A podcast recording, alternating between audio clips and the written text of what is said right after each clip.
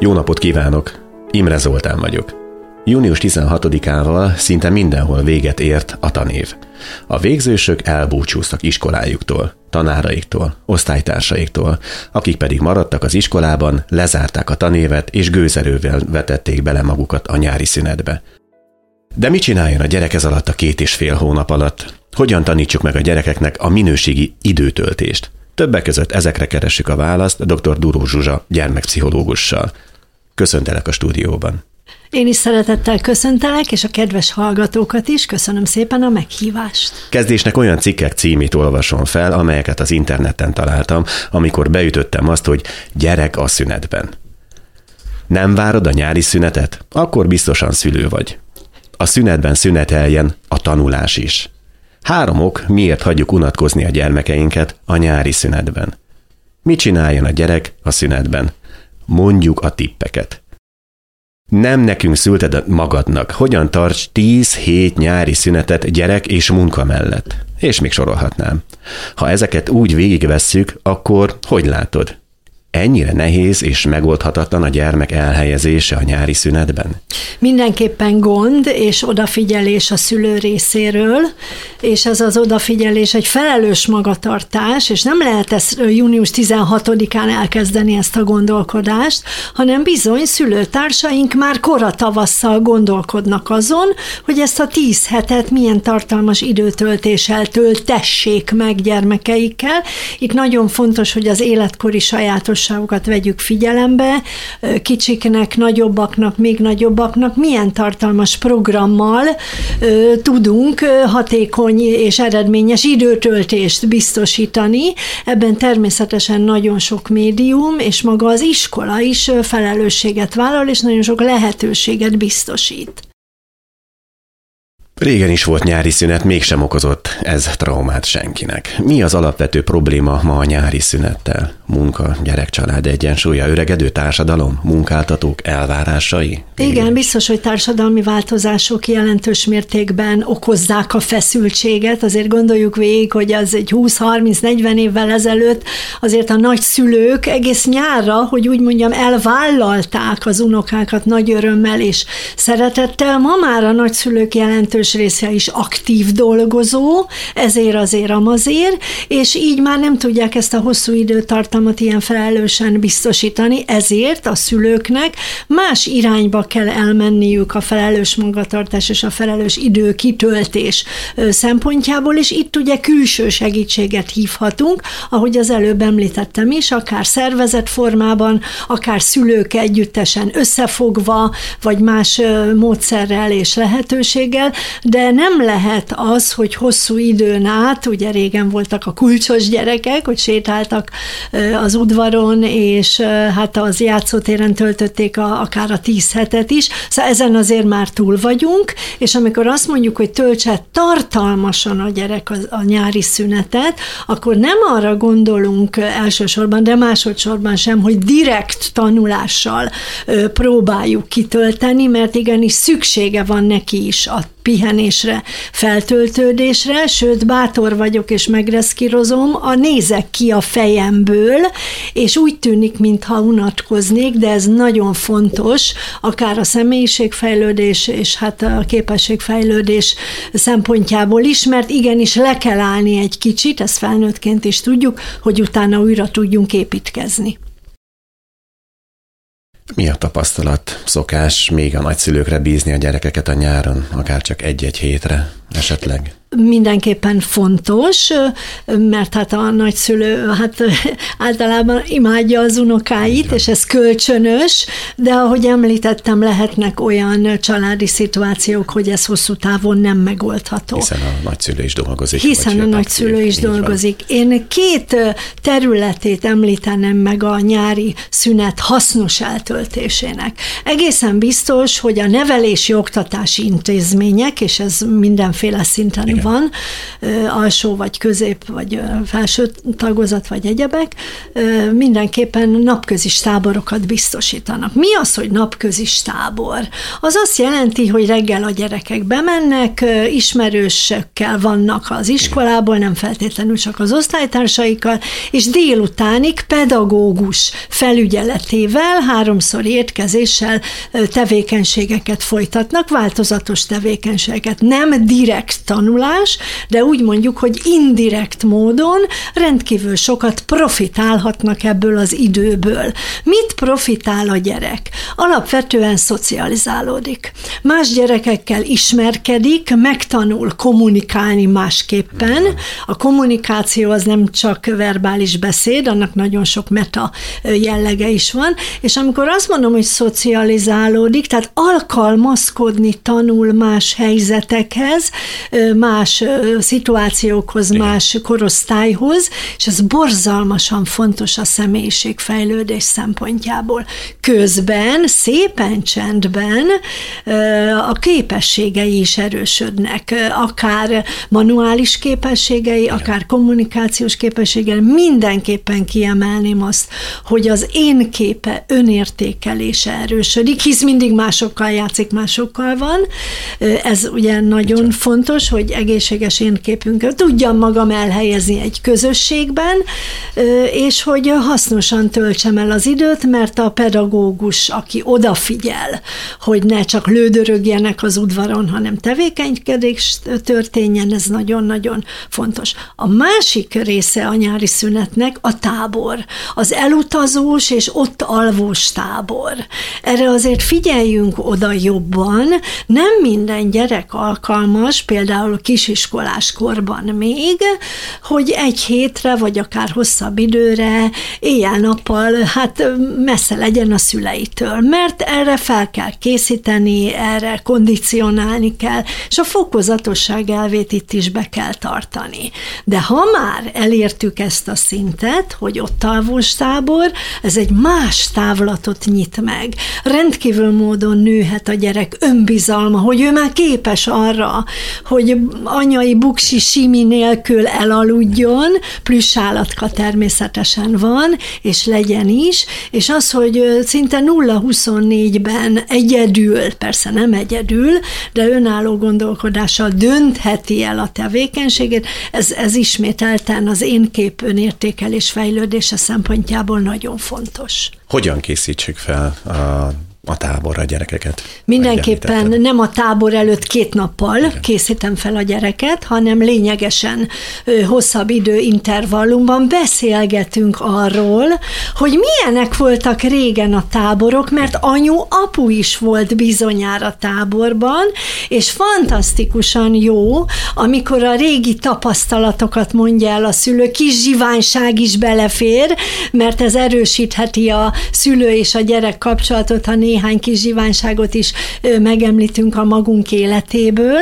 Mindenképpen fontos, hogy próbáljuk elképzeltetni a gyerekkel azt a szituációt, amikor egy esti együttfürdés a másikokkal, együtt lefekvés, a tanítónéni simogatása, esetleges mesemondása, az hogyan tudja lenyugtatni a gyereket, elpihentetni a nap végén, és ezek életre szóló muníció jót adhatnak az együttes élmény átérzésére, mondjuk úgy, hogy az élménypedagógia eszközeit alkalmazza a pedagógus a nap folyamán végig a táborban.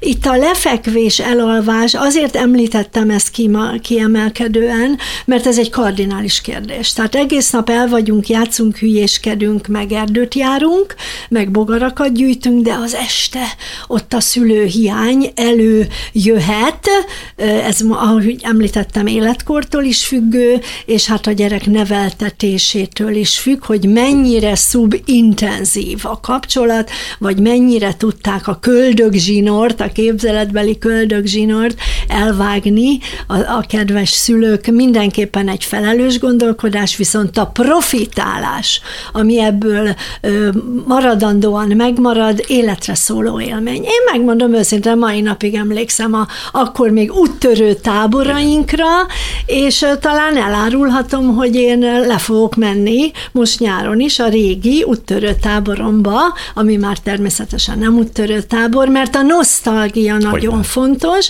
és talán ezekkel a beszélgetésekkel, amit a szülő a gyerekével tesz a táborokkal kapcsolatban, alapozhatjuk meg, hogy felnőtt korában is nagyon szívesen emlékszik a gyermekkori vagy ifjúkori táboraira. És a honvágyat hogy tudja egy gyermek esetleg elhesegetni? Mire van szükség? Nagyon fontos, amit említettél, a honvágy, mert ez egy teljesen természetes dolog. Napjainkban, amikor a kommunikációs eszközök már olyan tárháza van, hogy nem is tudjuk felsorolni, megmondom őszintén, régebben egy képeslapot írhattunk egy héten, egy hétig, tehát hetente egy képeslapot, illetve hetente lehetett egyszer még a bedobós pénzes telefonnal haza telefonálni. Ma már ezt megmosolyogjuk, de nagyon fontos volt akkor is, hogy halljuk a szülő hangját, hogy kapjunk levelet a szülőtől, ez nagyon nagy boldogság volt.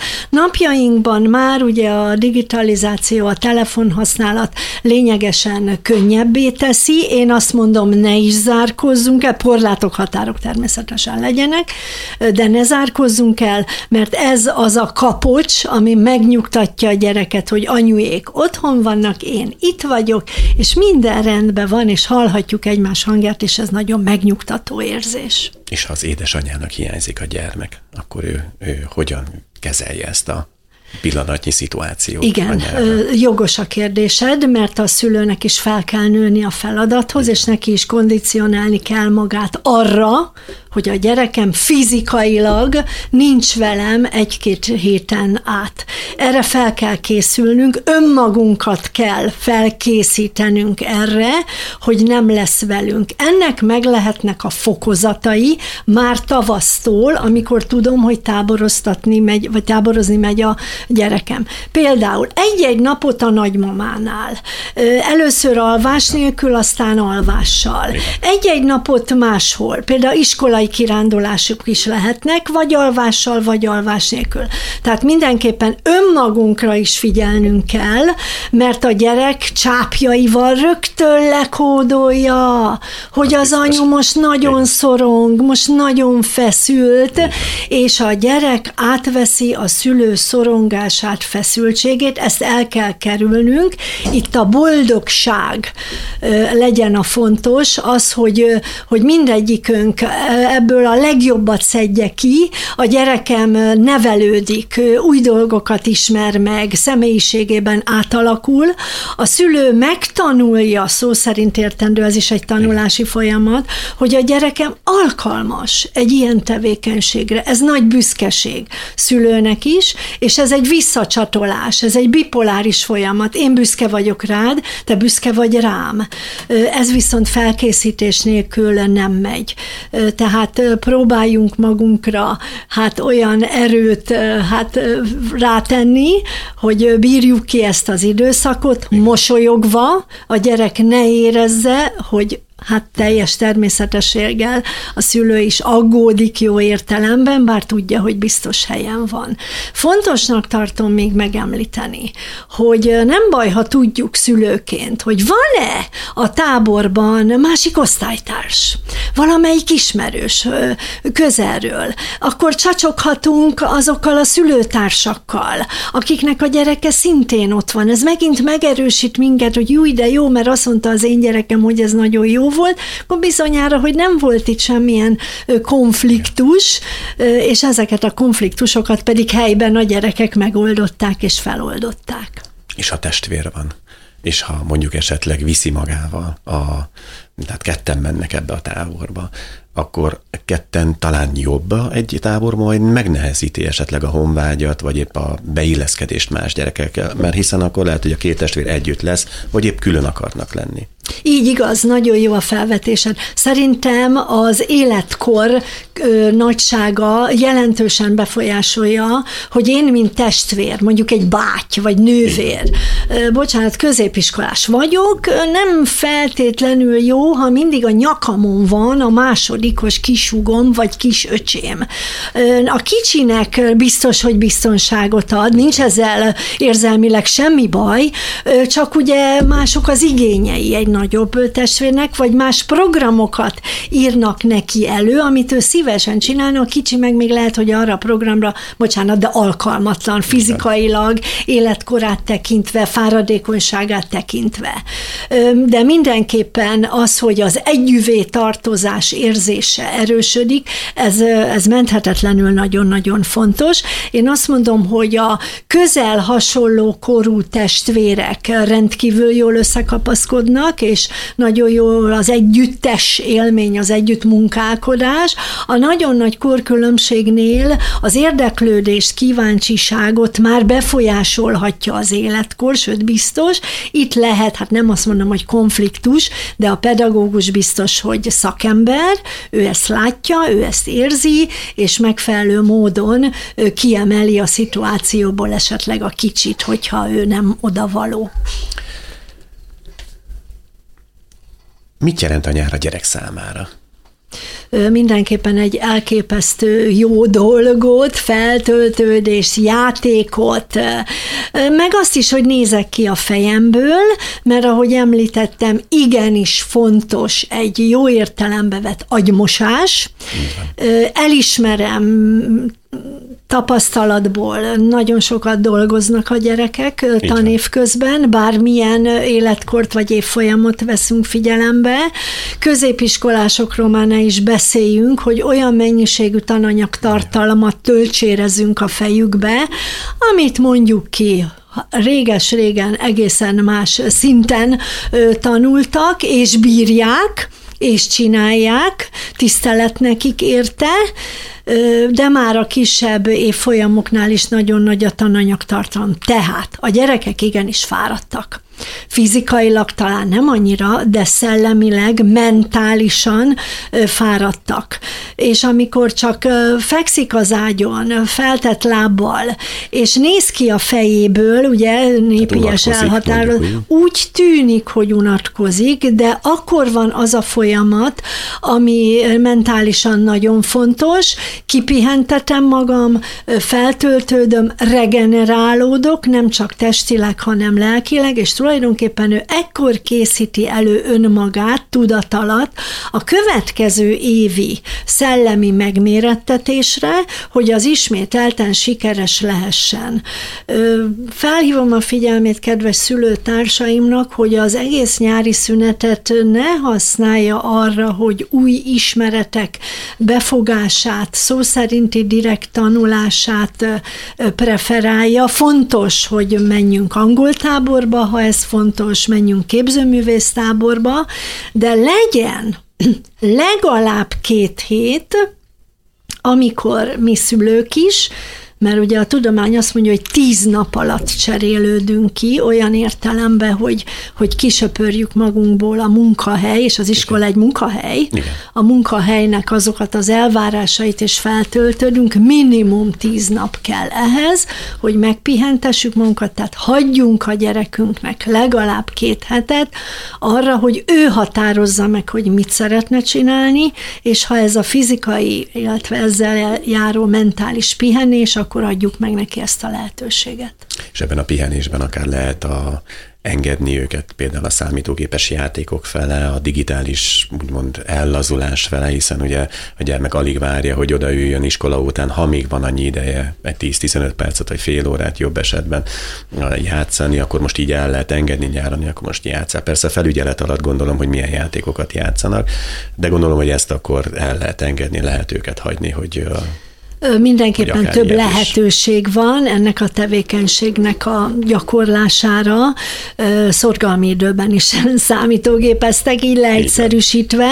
Én azt mondom, hogy nem bújhatunk ki a digitális fejlődés alól, egyszerűen tudomásul kell vennünk, hogy ez egy ilyen korosztály, és ilyen társadalommá Sőt, váltunk. Egyre kezdenek hozzá. Egyre Igen. korábban. Ennek rendkívül sok pozitív hozadéka is van, Így tehát van. ne söpörjük le az asztalunkról ezt, mert igenis, ez a későbbi munkába álláshoz, munkavégzéshez fantasztikusan jó muníciót fog adni, erre vannak munkák, amik csak erről szólnak. Tehát nem ezzel van a baj, a, inkább a, a butáskodással van baj, hogy vannak olyan digitális tartalmak, Igen. amelyek nem az adott életkornak felelnek meg, ez félelmet kelthet a gyerekben, tehát mikor azt mondjuk, hogy szülői felügyelet mellett, illetve hogy nagyobb, csak kódoljuk le, hogy milyen digitális tevékenységet végezzen a gyerek, akkor mi szülőként felelős magatartást folytattunk, és azt hiszem, hogy ezzel meg is védtük a gyerekünket azoktól a digitális tartalmaktól, ami félelmet kelthet, vagy nem megfelelő erkölcsi normákat közvetít, vagy erkölcsi normákat ö, alakít ki. Ö, el nem dughatjuk nyáron se, a számítógépet se, meg az okostelefont se, de ahogy említettem, lehet ezt pozitív használatra is fordítani, és profitálni belőle, akár szellemileg, akár, akár az egzisztenciális részében. Hogyha a, a digitális világba engedjük a gyermekeket, mennyi a napi limit? Azt szokták mondani, hogy óvodásoknál 20 perc, tehát mondjuk, hogy a telefonján néz valamit, az 20 perc, az alsó tagozatosoknál egy óra, ez, ez így, így pszichológusok által meg, tehát akkor még nem nincsenek olyan függőségük, olyan abúzus, az ugye függőség a területtel, a témával és magával a géppel kapcsolatban, Igen. ami őt száműzné a másik gyerek mellől. Tehát még egy óra, az még én, és a nagyobb bacskáknál kettő, középiskolásoknál két és fél óránál ne legyen több. Na most ezek elvi meghatározások, pszichológus társaim, meg orvos részéről, ami azt mondja, hogy ez az a, általában ez az intervallum, amikor még ez a függőség nem alakul ki, tehát elvonható a gyerek a tevékenységtől, és más tevékenységbe bevonzható. Ha meg még tovább nézi, akkor lehet, hogy már annyira átadta magát ennek a típusú tevékenységnek, hogy sajnos kivehetetlen a szituációból. És hogyha mondjuk egy olyan gyermeket nézünk, és annak a nyári periódusát, aki inkább a számítógép világába élte magát, hiszen lehet introvertáltabb, visszahúzódóbb volt az iskolában, őt ha táborba engedjük, ő neki, ővele külön kellene foglalkozni, hogy, hogy kell egy introvertált gyermekkel egy táborban a, megismertetni, hogy van környezet, és minden szép körülötte, és fel lehet fedezni ezt is úgy, mint akár egy számítógépes játékot. Igen, nagyon jó a felvetésed, ugye introvertált, tehát visszahúzódó, visszahúzódó. csendes, szemben az extrovertált, szerepelni szerető, harsányabb, kiállósabb Igen. gyerek között. Na most legyünk őszinték, tiszta típus nincsen. Igen. Tehát ilyen nincs, hogy te kisfiam introvertált vagy. Leginkább introvertált vagy, de biztos, hogy van az életednek egy olyan dimenziója, hogy te is szívesen megmutatnád magad, akár sport legyen, vagy a, akár milyen tevékenység. Ja. Tehát tiszta típus nincs. De a felvetése teljesen jogos, az ilyen kis csendesebbje, az úgy elbújna a sarokba, és hagyjatok békén, és különben is felejtsetek el, és hadd csináljam Meg még ott a honvágy, meg, meg hogy kiszedték abból igen, a rétegből, amiben ő jól érezte magát, egy teljesen új környezetben van. Igen, én hiszek abban tapasztalatból, hogy pedagógus társaink megfelelő gyermek ismerettel rendelkeznek, általában a táborok, akár az ott alvós, az is, de akár a napközis táborban azok a pedagógusok vannak a gyerekekkel, akik abban az intézményben már nagyjából ismerik a gyereket, még akkor is, ha nem ők az osztálytanítók. Igen. Tehát azért valami rálátása. Sőt, szoktak beszélgetni a pedagógusok egymással, hogy milyen az ödönke, meg a ferike, meg mit tudsz róla mondani, mert az nekünk nagy segítség, hogy van egy elképzelésünk a gyerek vérmérsékletéről, temperamentumáról, ami egy születési adottság, hogy mégis mit várhatok, egész nap focizni fog, vagy egész nap ül majd a sarokba, most ezt nem pejoratív értelemben mondom, de igen. Na most, ha én már nagyjából ismerem a gyerek vérmérsékletét, temperamentumát, személyiségét, segítségjegyeit, akkor fel tudok ajánlani pedagógusként olyan tevékenységet, ami kihozza őt ebből a ülök a sarokba, vagy épp az egész napi mozgás. Tehát az érdeklődését megtudom, mert mindenkinek van érdeklődése, kíváncsisága valami iránt, és megpróbálom megkínálni őt ilyen jellegű tevékenységekkel. És ezekre van lehetőség a napközis táborba is, és van lehetőség az ott alvós egyéb nyári táborokban is. Eddig csak az átlagos házasságban élő családokról esett szó, de mi a helyzet azokkal, akik egyedül nevelik a gyermeküket? Nyilván nehezebb az életük. Nyilván, és nem csak nyilván, hanem egészen biztos, hogy nehezebb az életük, még nagyobb szervezést és odafigyelést igényel az egyedüli szülő részéről a nyári tíz hét hasznos eltöltése. Bízom abban, hogy bár nem él együtt a, a házastárs, az édesapa és az édesanyja, tehát csonka családról beszélünk ilyen értelemben, de hogy van kommunikáció, feltételezem, hogy van kommunikáció, hisz időnként van láthatás, és valamilyen módon meg lehet beszélni és koordinálni lehet, hogy az a szülőtárs is vegye ki a részét a gyerek felügyeletben, mert tulajdonképpen a nyári periódus ez egy periódus, ez a gyerek felügyelet. Hasznossága az megkérdőjelezhetetlen, de az, hogy figyelmet, és egyáltalán, hogy, hogy figyelem, hogy nehogy balesete történjen, vagy valami, ez egészen biztos. Én bízom abban, és a legtöbb esetben ilyet látok, hallok magam körül, hogy bár nem teljes mértékben ideális az édesapa, édesanya érzelmi kapcsolata, de a gyerek érdekében hangsúlyozom, a gyerek érdekében nagyon sok nehézséget át tudnak törni, és kompromisszumra tudnak jutni a gyerek elhelyezés kapcsán, hogy jusson is és, és maradjon is. És akkor nem beszéltünk még a tinédzserekről, akiknek a kezét már nem úgy fogja a szülő, mint a kisgyermekekét, és akik talán már megbízhatóak annyira, hogy nem gyújtják fel a házat, míg dolgozunk, vagy el tudunk menni bevásárolni. Az ő időtöltésük merőben más. Hogy tartsa a szülő kontroll alatt a gyereket, miközben az a szabadságáért, önállóságáért harcol? Igen, hát nem a serdülőkorban kezdjük el nevelni a gyereket, tehát veszed fejsze nyele, ha akkor jövök rá, hogy úristen, hát hogy hagyhatom itt, hát ugye pici korától kezdve, Igen. hogyha azok a rutinok, és most nem szlogeneket akarok mondani, azok a rutinok megvannak a család életében, hogy bevonom őt a tevékenységbe, apró kis segítséget várok el tőle, amire ő alkalmas, alkalmas az életkoránál és a képességénél fogva, akkor kialakulhat az az ős bizalom szülő és gyerek között, ami már elővételezi, hogy hát egyszerűen fogalmaztál, hülyeséget nem csinálunk otthon.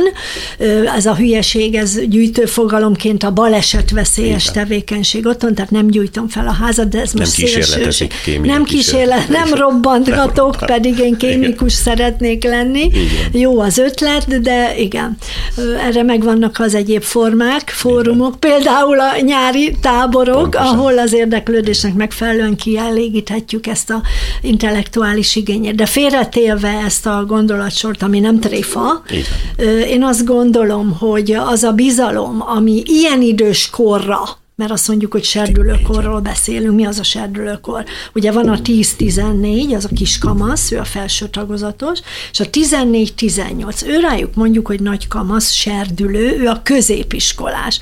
Ők a mai világban rendkívül önállóak. Minden tekintetben rendelkeznek azokkal a diszpozíciókkal, képességekkel, ami őket az önálló életre teljes mértékben képesé teszi. Most nem ilyenre gondolok, hogy fel tud öltözködni, öltözködni, meg étkezni tud egyedül, igen, viszont tájékozódni is tud, és hát ahogy említettük az előbb a digitális forradalom ügyében, igen, tájékozódni tud szűkebb világáról és tágabb világáról. Tehát ha el szeretne menni valahova, és nem tudjuk, hogy az az utca hol van, hát körülbelül négy másodperc alatt az okos telefonján meg fogja találni, hogy milyen busz, milyen villamos, hogy viszi oda és ez segítség lehet a szülőnek is, ez a technikai segítség. De tudom, hogy mire gondoltál, arra, hogy olyan dolgok ne történjenek, ami esetleg a szülő szempontjából nem felel meg az életkori sajátosságoknak. Nézd, nagyon sok család másképp gondolkodik, más által van befolyásolva, a szülő is valamiben szocializálódott, és azt ne felejtsük el, hogy mintakövetés van. Pontosan. A szülő is kapott egy mintát az ő szüleitől, és ugyanazt a mintát ösztönösen adja lejjebb a saját gyerekének. Tehát olyan rettenetesen ne legyünk meglepődve, hogyha a gyerekünk ugyanolyan mintát követ, amit mi tulajdonképpen tudatosan vagy tudat alatt használtunk az évek hosszú során.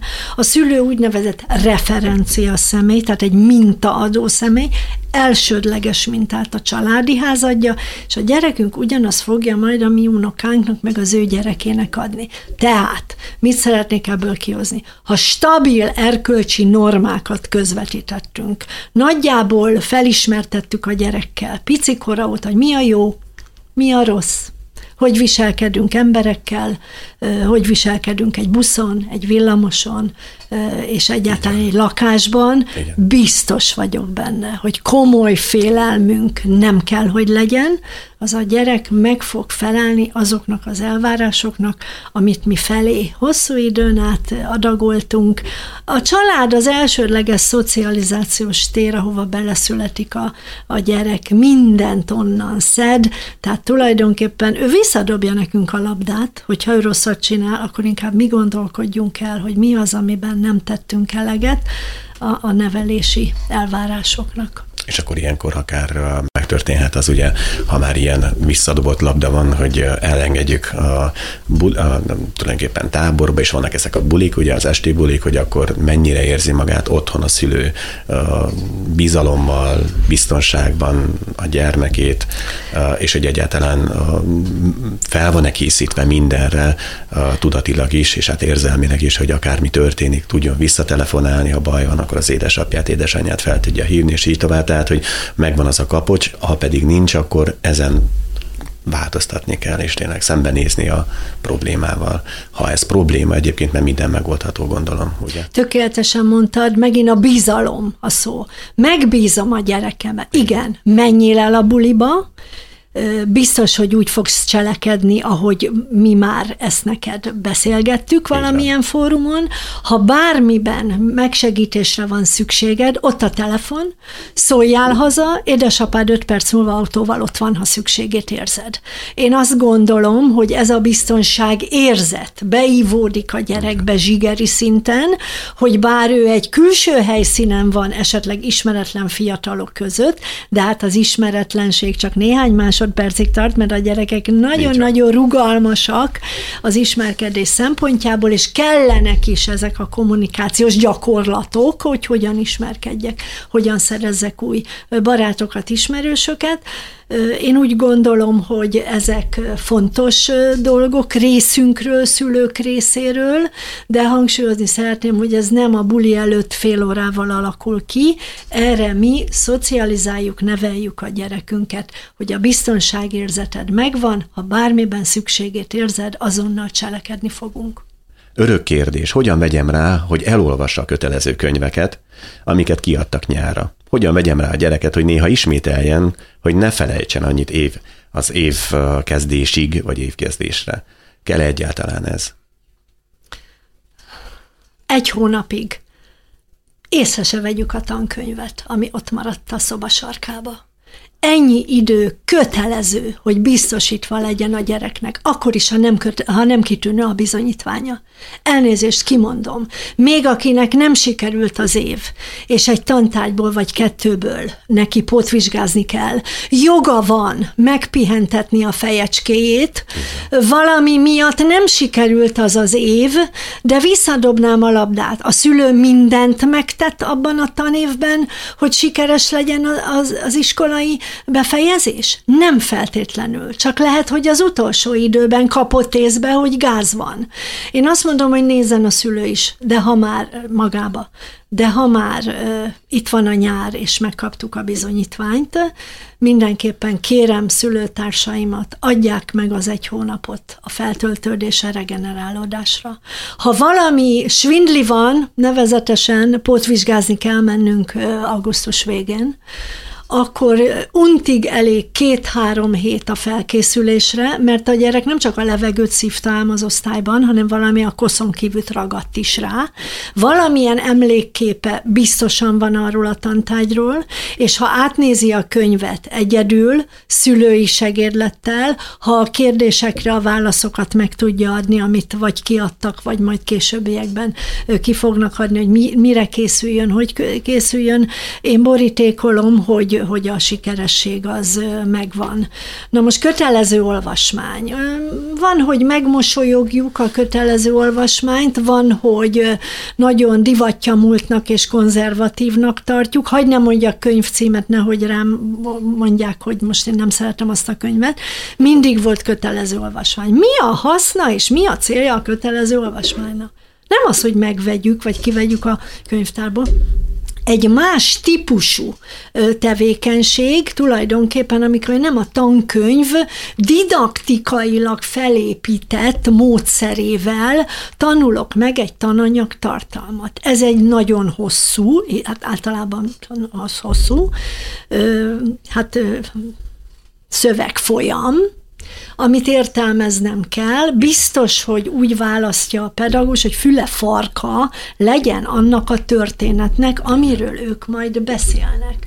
Az sem véletlen, hogy melyik évfolyamon, melyik kötelező olvasmányt javasolja a pedagógus. Régebben ezek konkrét, hagyd nem mondjam el, hogy ötödikben mi volt a kötelező, meg hatodikban pontosan tudjuk mi a, a, a mi korosztályunk. Ma már lényegesen rugalmasabban kezelik a pedagógus, az osztály összetételét is figyelembe véve választ kötelező olvasmányt. Megint nem mondok címet, nem akarom elvinni Igen.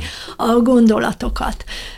A haszna az, hogy vegye a kezébe a könyvet, olvasóvá próbáljam nevelni a gyereket, mert legyünk őszinték, nem nagyon olvasnak. Azt mondja, hogy Sőt, megnézi, egyre, egyre, egyre egyre Azt mondja, hogy megnézi filmen. Hoppá! csak hogy a film dramaturgiailag, forgatókönyvileg És nem azonos Így van. a könyvvel. És hogyha mi belekérdezünk a könyv, vagy milyen ruhája volt, akkor már el is úsztunk, mert, mert nem olvasta el. Vannak olyan kis könyvecskék, ezt azért kimondom, kötelezőkről röviden. Hát nem ajánlom ezt a szülőknek megvásárolni, nem azért, mert rossz kiadvány, sőt, nagyon kellemes, csak éppen nem teszünk eleget annak, amit a pedagógus elvár, mert itt egy-két oldalban a 380 oldalas könyvnek a tartalma le van írva. Ez, ez jó dolog, ez jó. de mégse jó, mert így nem van. erre van szükség, nem ez volt a cél. Mindenképpen fontos, hogy megvásároljuk ezt a könyvet, ha a pedagógus mindenképpen. Szókincs bővítése lesz nagyon jó, fantázia, képzeletvilág fejlődésére, fejlesztésére nagyon jó. Igen. Nem készen látok tájképet. El kell gondolkodnom, hogy hogy is néz ki az a fa, az a kastély, vagy, vagy valami. Vagy bármi más. Vagy bármi más. Az az ember. Mi a véleményem a két ember viszonyáról? Itt az erkölcsi nevelés jöhet Igen. be.